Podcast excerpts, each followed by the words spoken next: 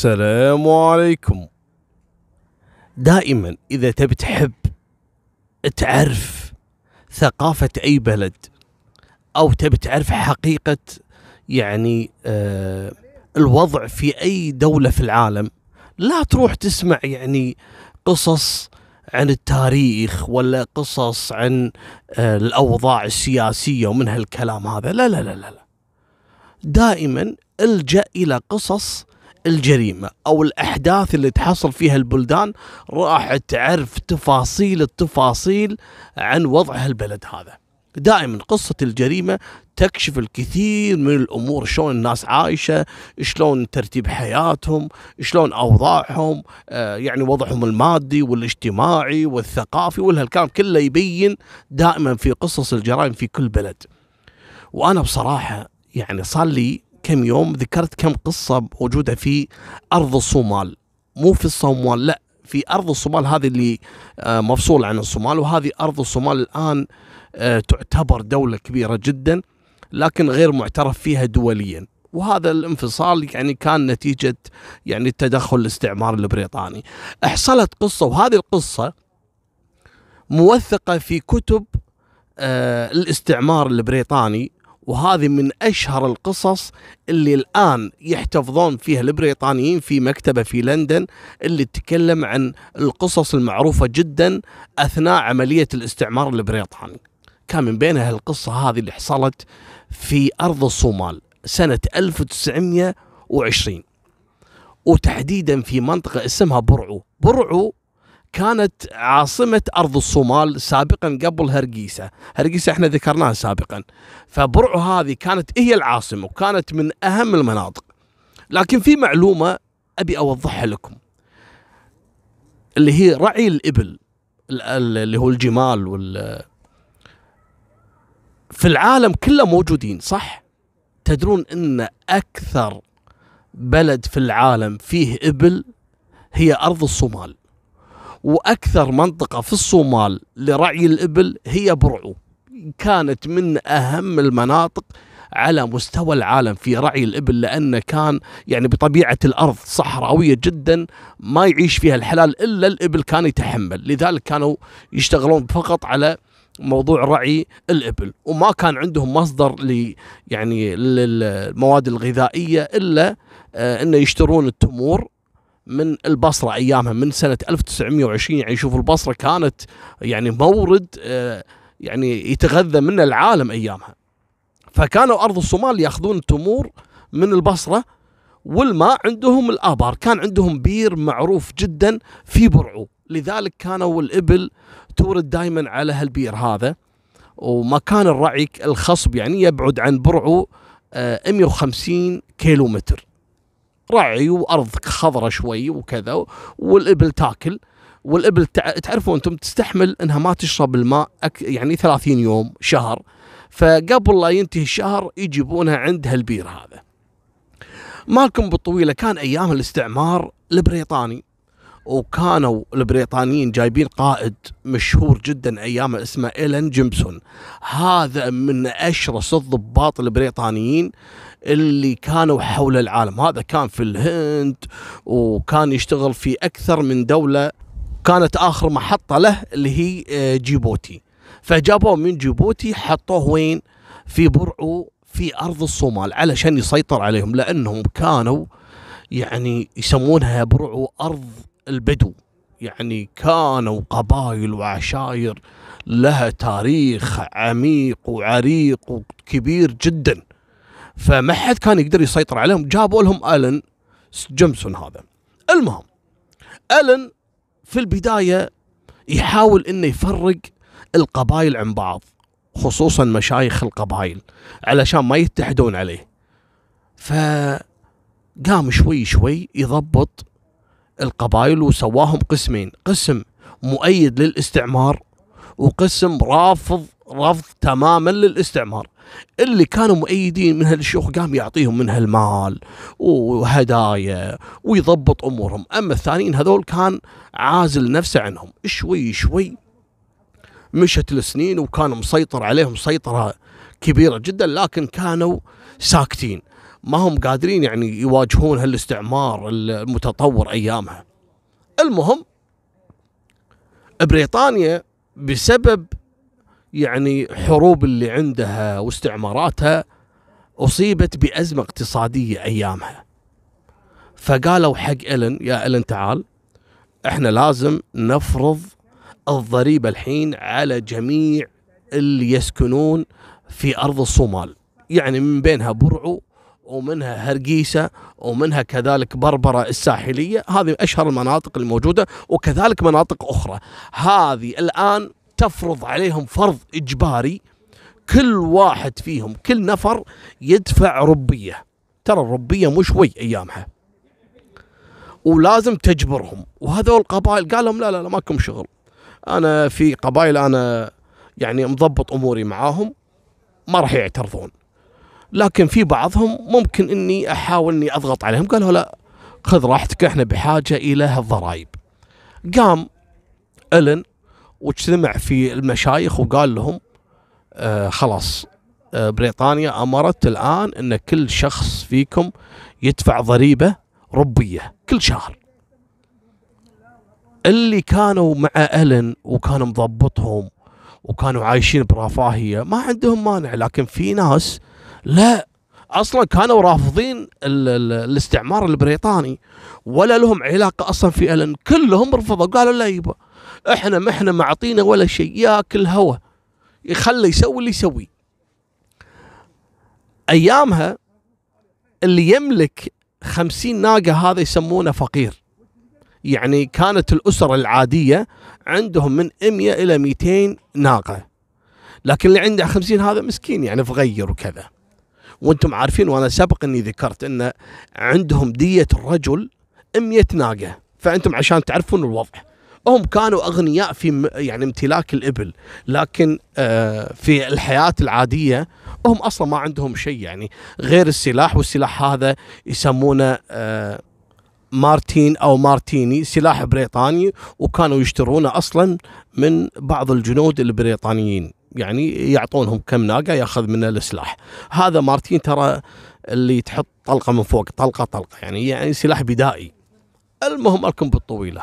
يوم رفضوا نص القبائل وألن ابتلش ويبي يفرض سيطرته الحين بريطانيا. ناطرة منه انه يعني تنتظر منه يجيب لها الضرائب ويعطيها تقرير بالوضع. ما يدري يقول لهم والله النص رافض إنه يدفع. قال له أنا عندي فكرة. بما أن هذول أصحاب الإبل يعيشون على على يعني سقي الإبل فقط من هالبير هذا بير برعو. أنا راح أسيطر عليه. اللي ما يدفع الضريبة ممنوع أنه يورد الإبل على هالبير هذا. حط قانون وحط جنود عند البير وقلب الدنيا. اللي يدفع يسقي عادي. اللي ما يدفع مستحيل يخلي الإبل تقرب. واللي يعصي كلامه يعتقله في الجانب الآخر طبعا أنا قلت لكم إن الرعي يكون عن بعد 150 كيلو في البر عن المنطقة نفسها برعو. طلع شخصية مشهورة جدا أيامها. واحد ينقال فاعول آدم. منو فاعول آدم؟ هذا هو بطل قصتنا الليلة. فاعول آدم هذا ابن شيخ من فخذ حرسي عثمان. أو حرسي عثمان. هذا فخذهم يعني هذا متفرع من القبيلة. القبيلة الأم اللي هي هبر يونس. هبر يونس مشهورة وهذه من أكبر القبائل اللي موجودة في أرض الصومال اللي كانت لها قوة جبارة ولها تاريخ والكل يهابها. فما بالك لما تطلع منهم يعني أحد الأفرع وهي المشيخة عندهم اللي هي حرس حرسي عثمان. ويطلع ولد الشيخ اللي هو فاعول آدم يكون معارض. شلون؟ وش صار؟ يوم الأيام هذا فاعول قاعد عند الإبل وأبوه يملك ألف ناقة وكان أكثر واحد يملك آه، الإبل أيامها. وكان مخلي فاعول يرعى 400 آه، رأس من الإبل. والباقي الرعاة الثانيين. فنادى على الراعي ذاك اليوم قال له يلا امشي بنروح آه، حق آه، نورد الإبل. يعني هذه الرحلة الشهرية دائما كل ما قرب نهاية الشهر يروحون إلى بئر آه، برعو. قال له ليش أنت ما تدري إيش صار؟ قال لا ما أدري. قال ألن جيمسون منع أي قبيلة ما تدفع الضريبه ان تورد الإبل على البير هذا قال شنو؟ طبعا فاعول أنا ما وضحت لكم شخصيته ولد شجاع كريم راعي فزعات أي واحد عنده مصيبة أي وحدة مثلا من حاشة من أهلها واحد عليه ثار كل العالم أي واحد يبي أحد يحميه يدخل بيت فاعول يكون تحت الحماية يحل مشكلته. واحد هارب عليه هدية مثلا يدخل بيت فاعول يقوم فاعول هو يدفع الدية عنه. وحدة مثلا تدخل على بيت فاعول وهو يوقف أهلها ويحل المشكلة بينهم. ليش يبا؟ ليش تضربونها؟ شنو في؟ من حاشا؟ يعني يتدخل وكانوا فقط فاعول الوحيد اللي يقدر إنه يتدخل في المشاكل لما يدخل عليه الدخيل. لأن الناس كلها عارفة إذا أحد قرب على الدخيل دخيل فاعول فاعول راح يذبحه. لذلك فاعول طيب ويقول له يا أخوي لا تخليني أقتلك. إيش تبي؟ أنا أنفذ لك. خلاص هذه دخلت عندي وصارت دخيلة أنا ما أقدر أتجاوز عنها وما أقدر أخلي أحد يلمسها. تبي شيء؟ أنا أحل لك هذه. المهم هذه كانت سمعته. يوم سمع سالفة الين جيمسون القائد البريطاني اللي يقول آه، ممنوع والله أحد يورد الإبل على البير إلا لما يدفع الضريبة. قال والله يعقب علي يعني قال علي الحرام يعني إنه حرم إني أشرب من حليب النوق إلا لما أحميها. كان طبعا هذه كتبوا فيها قصايد باللهجة الصومالية. قال يعني الراعي قال له شنو نسوي؟ قال أنت مالك شغل. أنا أبيك الحين تروح تاخذ الإبل مالتي وتروح للإبل اللي عند اللي عندها الرعيان إبل أبوي الباقي وتاخذ الألف ناقة كلها وتروح إلى قريب من منطقة عمود. طبعا منطقة عمود فيها بير هناك لكنها تبعد يعني 300 400 كيلو يعني أبعد من برعو. هذا إيش قاعد يخطط فاعول؟ قال له أنت ماكم شغل. أنت والرعيان كلكم أخذوا النوق وروحوا إلى أطراف الأراضي آه، أرض الصومال. وطبعا على فكرة عمود هذه أصلا إقليم آه، أرض الصومال بس البريطانيين عطوها حق إثيوبيا.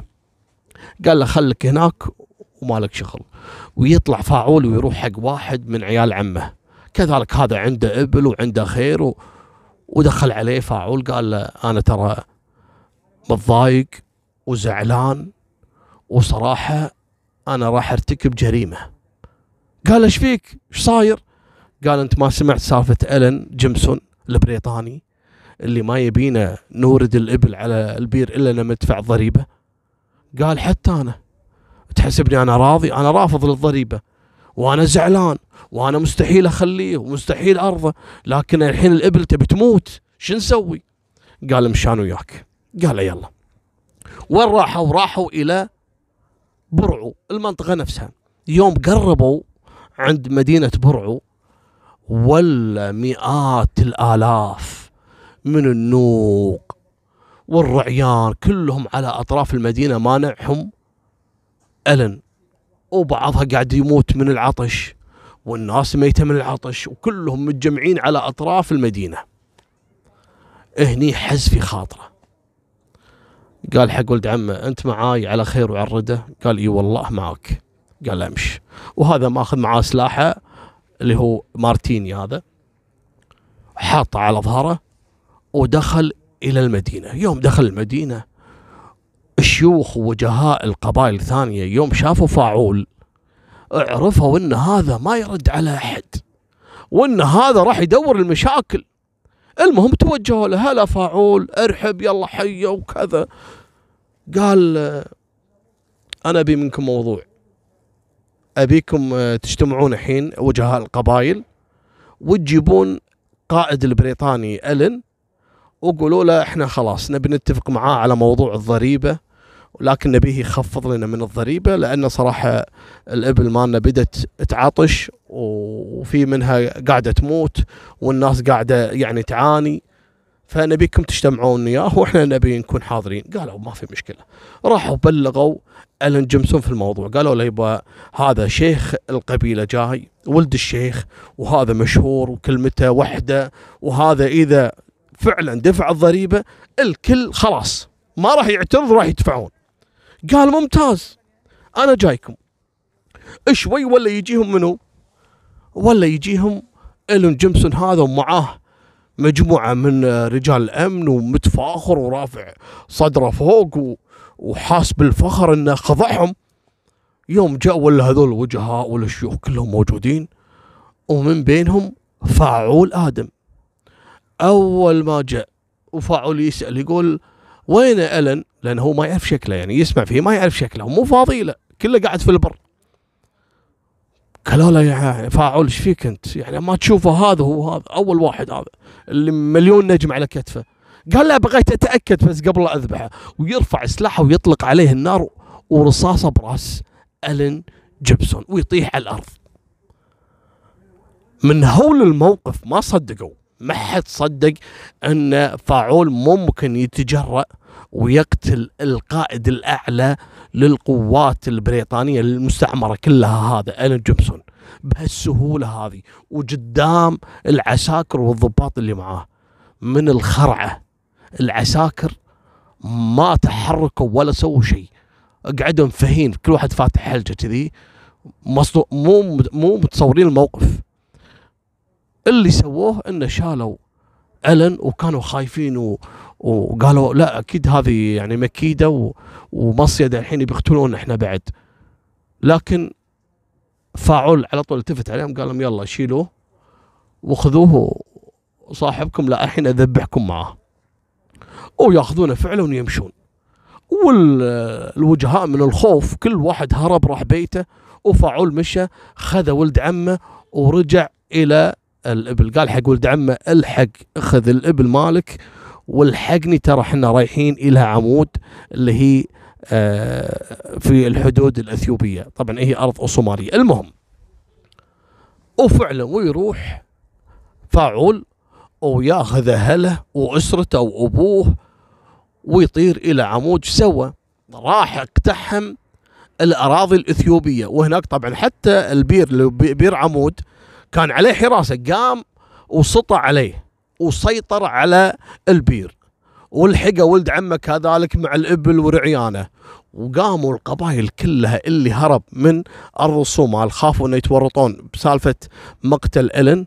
قاموا كلهم يتجمعون وسوى فاعول سواله فريق وسواله مدينة مسلحة بروحها وقامت الإبل تورد وتشرب وماخذين راحتهم.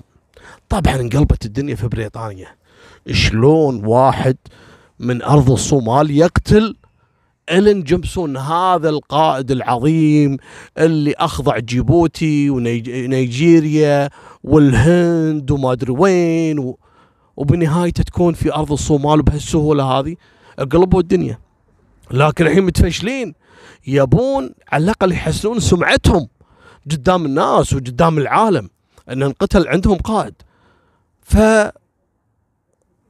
جابوا قوات أمنية وراحوا إلى مدينة برعوا وحققوا في الموضوع وقالوا هذا اللي صار.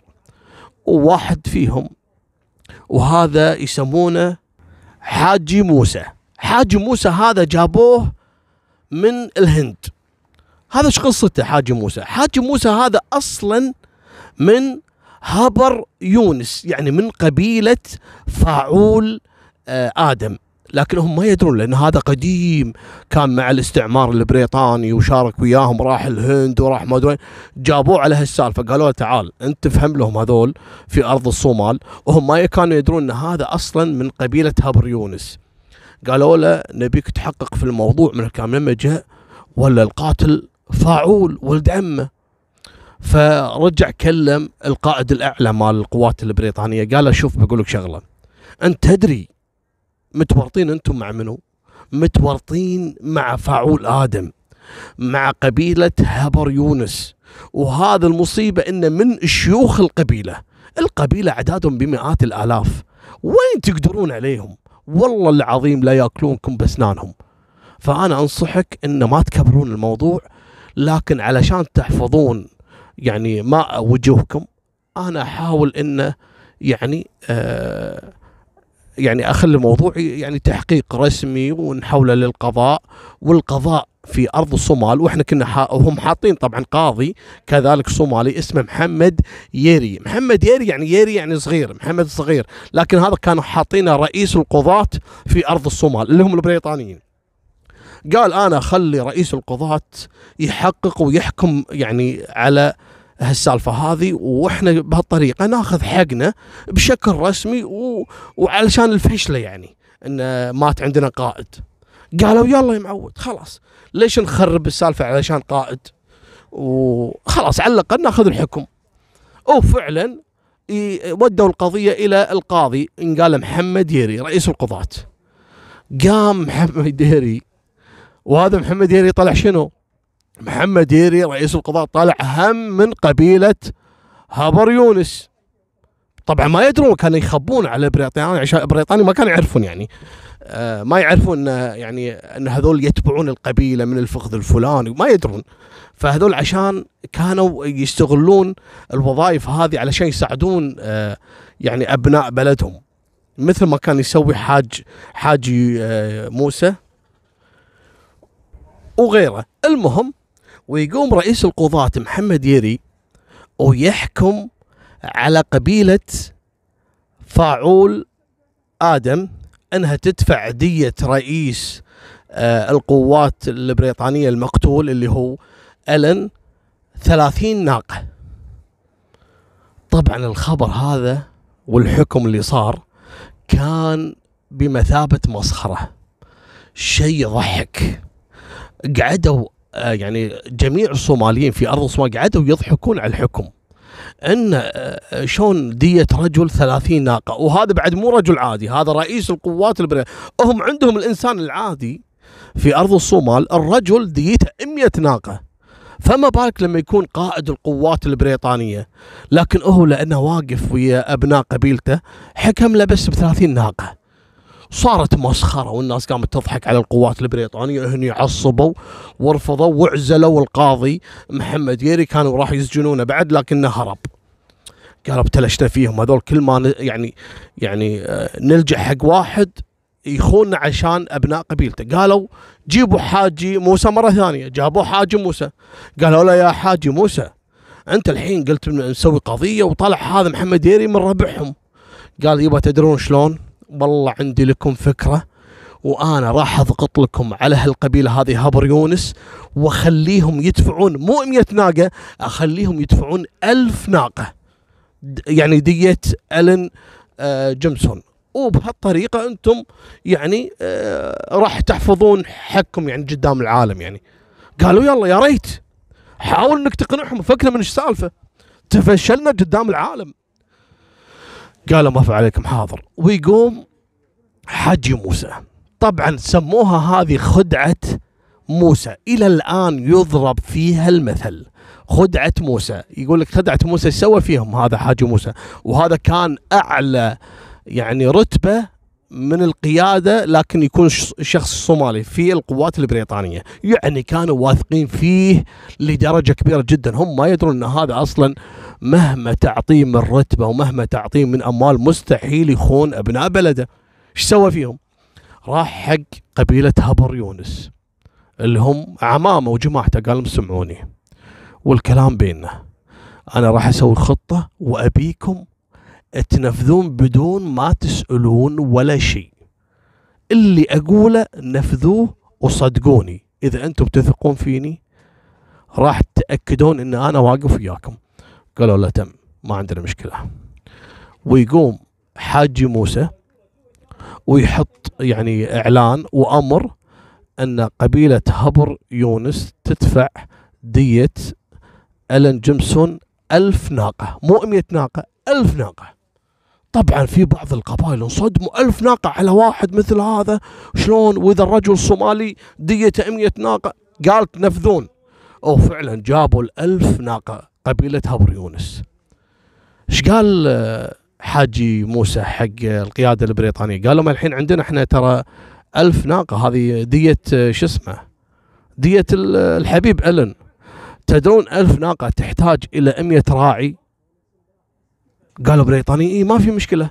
قال خلاص تبون أجيب لكم رعيان؟ قالوا إيه جيب لنا رعيان.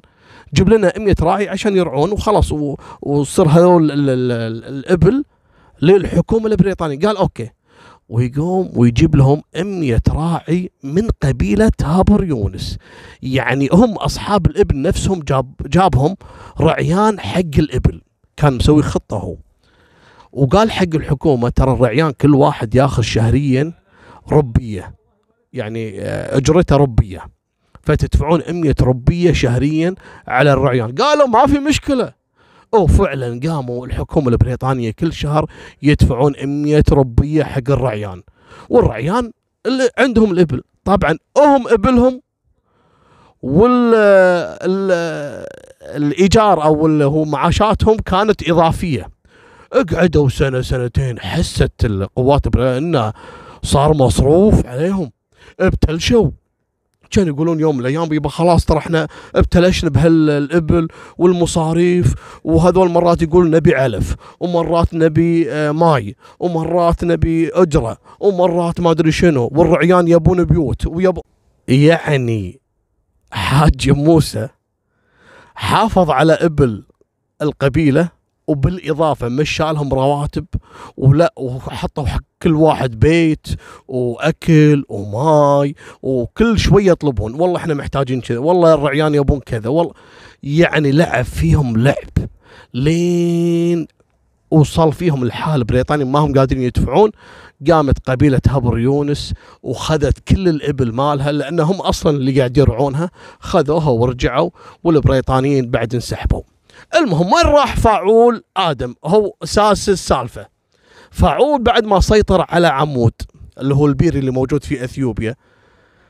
وكان مشهور جدا وما شاء الله الإبل مالته يعني كل ماله وتزيد أعدادها. وصار شخصية يعني جميلة ونادرة وشجاعة يعني كانت تكتب فيه القصائد وتكتب فيه الأشعار.